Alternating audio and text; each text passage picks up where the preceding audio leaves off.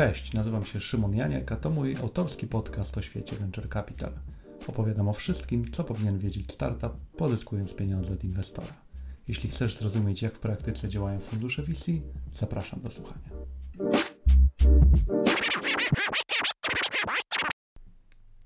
Cześć, witam w trzecim już odcinku mojego autorskiego podcastu, w ramach którego chciałbym porozmawiać o ludziach pracujących w sektorze Venture Capital – Zawsze wydawało mi się, że osoby, które trafiają do tej branży, muszą być w pewnym sensie wyjątkowe, albo niebywale inteligentne, albo posiadające ogromną wiedzę lub imponujące doświadczenie biznesowe. W każdym razie są to osoby, które z łatwością pomogą rozwinąć dany startup i osiągać pewne cele biznesowe dużo szybciej niż founderzy mieliby to robić we własnym zakresie. Cała branża jest hermetyczna i uchodzi za elitarną, między innymi dlatego, że obraca się w niej bardzo dużymi pieniędzmi, spotyka się niezwykle ciekawe osoby i co do zasady realizuje interesujące projekty. To, co zauważyłem, to że wśród jej reprezentantów jest dosyć niepokojące zjawisko, a mianowicie z czasem osoby pracujące w tej branży zaczynają wierzyć w pewnego rodzaju supremację, czują własną wyjątkowość i przez to stają się niebywale aroganckie. Czuć to na kolach, w mailach, na spotkaniach. Startupy są w tym ujęciu traktowane bardzo protekcjonalnie, niemal jak petenci, tylko i wyłącznie dlatego, że przychodzą po kapitał. To podejście jest bardzo krótkowzroczne, dlatego że funkcjonujemy w systemie naczyń połączonych.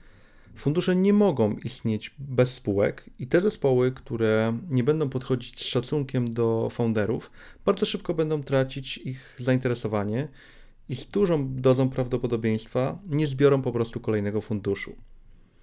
Moja dotychczasowa kariera zawodowa jest zbiegiem doświadczeń właściwie z każdej strony ekosystemu startupowego Dlatego, że zanim stworzyliśmy obecny fundusz VC, zbudowaliśmy międzynarodowy startup, wcześniej była spółka doradcza świadcząca usługi corporate finance, była też agencja marketingowa obsługująca startupy, a nawet kancelaria prawna.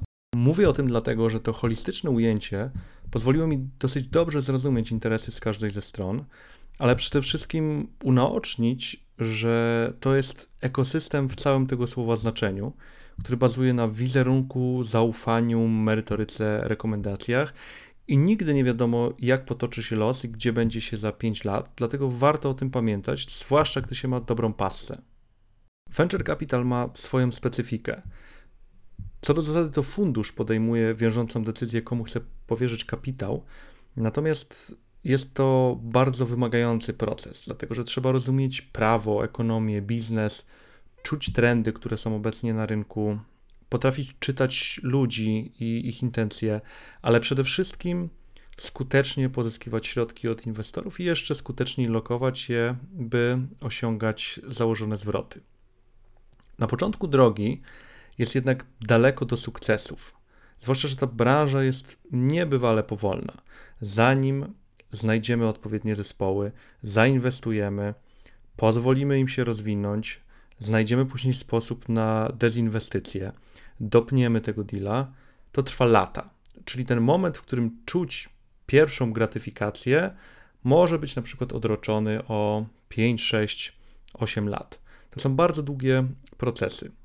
Ma to bezpośredni związek z tym wspomnianym wcześniej poczuciem wyjątkowości, dlatego że tak samo długo jak czeka się na sukcesy, tak samo długo czeka się na ewentualne porażki, w związku z tym osoba tkwi w tym poczuciu absolutu przez naprawdę długi czas. Początkowo jest ono niegroźne, bo napawa dumą, pozytywnie oddziałuje na ego, natomiast z czasem coraz bardziej przeradza się w czystą arogancję. To z kolei objawia się na wiele sposobów. Niegrzeczna i chaotyczna komunikacja, niespełnione obietnice, odwoływanie spotkań bez przyczyny, pojawia się ten słynny instynkt łowcy. Ja poluję na jednorożce, ja decyduję. I fakt, w branży venture capital mamy niezwykle mało czasu. To on jest naszym najważniejszym aktywem, ponieważ analizujemy tysiące spółek rocznie. Nigdy nie będziemy w stanie spotkać się z każdym, nigdy nie będziemy w stanie dać zawsze kompleksowego i pełnego feedbacku. Natomiast to nie oznacza, że możemy się zachowywać, jakbyśmy pozjadali wszystkie rozumy. Do tego odcinka i też artykułu na ten temat zainspirował mnie ostatnio jeden gentleman, a mianowicie przedstawiciel dużego funduszu, w ramach to, którego partycypowałem w rozmowie wspierając naszą spółkę portfelową.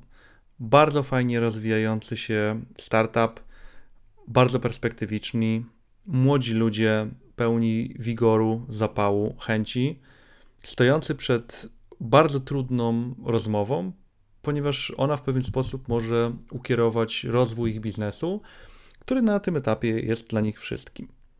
Gentleman po drugiej stronie, w trakcie, jak już podkreślam, niesamowicie ważnego dla tych chłopaków spotkania, żarł, nie, nie jadł, ostentacyjnie żarł spaghetti na telekonferencji, siorbiąc ze smakiem.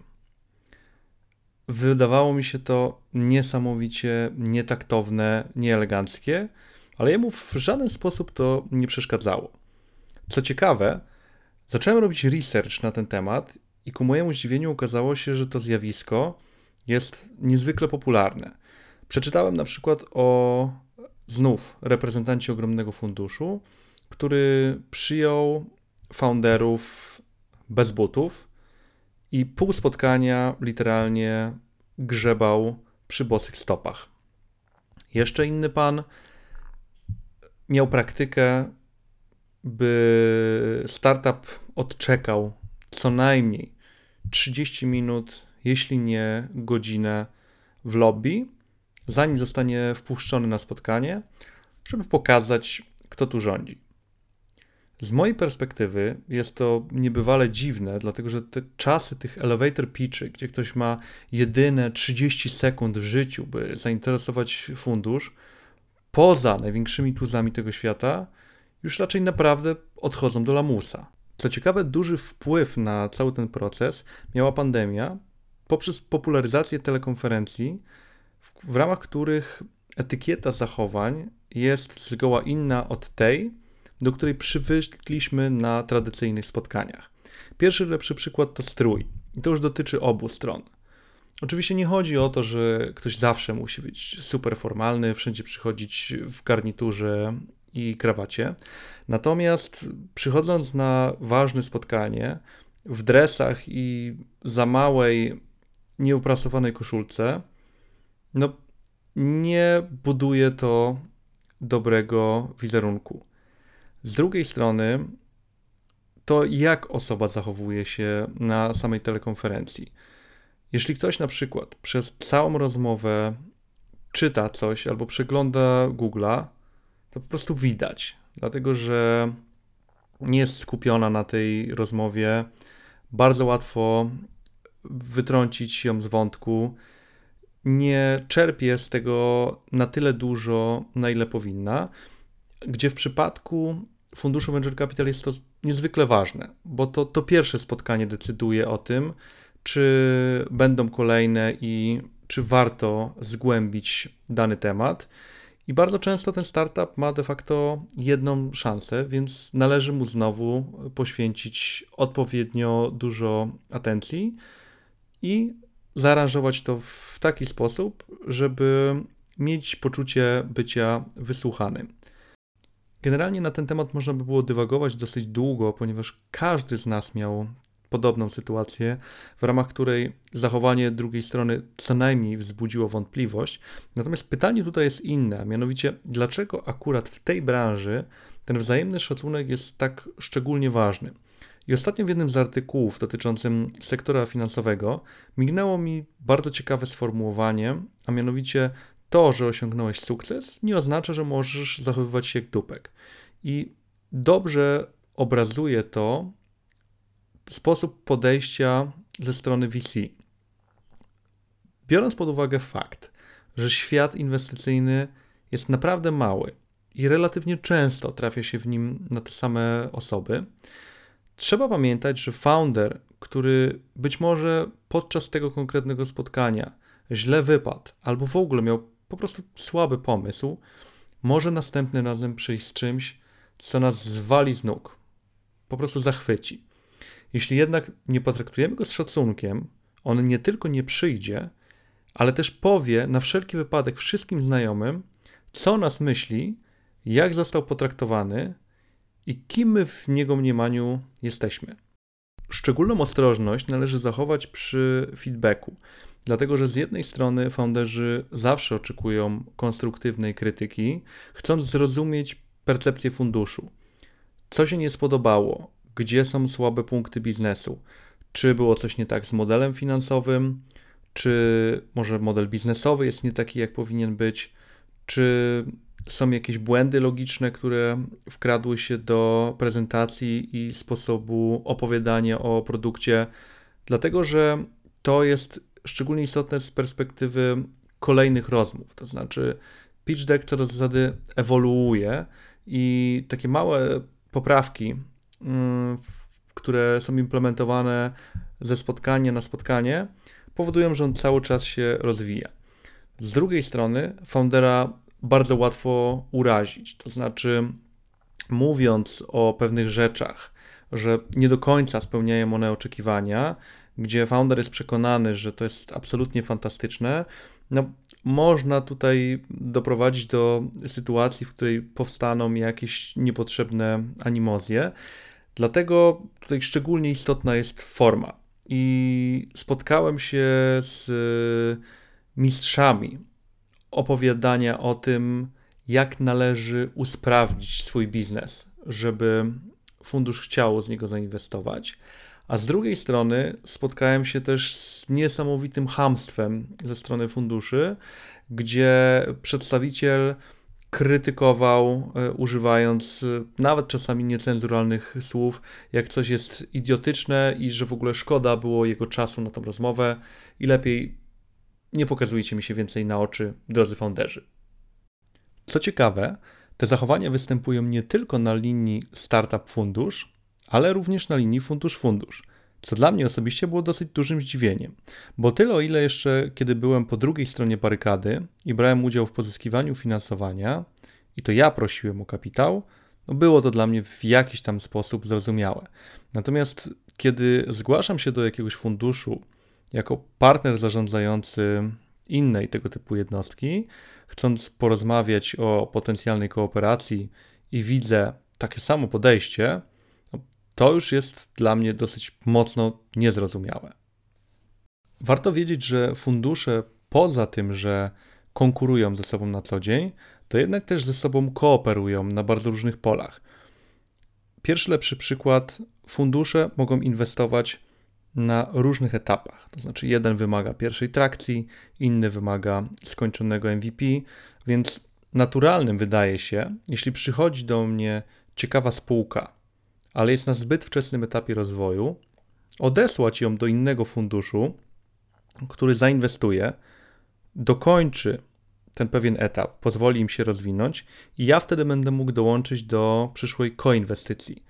Jest to dla mnie jak najbardziej w moim interesie. Inny przykład, jeśli trafiają do mnie spółki kompletnie nie z mojego obszaru, na przykład medtechu, a znam przedstawicieli innych funduszy, którym tym się specjalizują, przesyłam po prostu im te deki za zgodą founderów oczywiście, pomagając im rozwijać swój wymarzony biznes. Te patologiczne zachowania są częstsze tam, gdzie sektor inwestycyjny jest wciąż na wczesnym etapie rozwoju.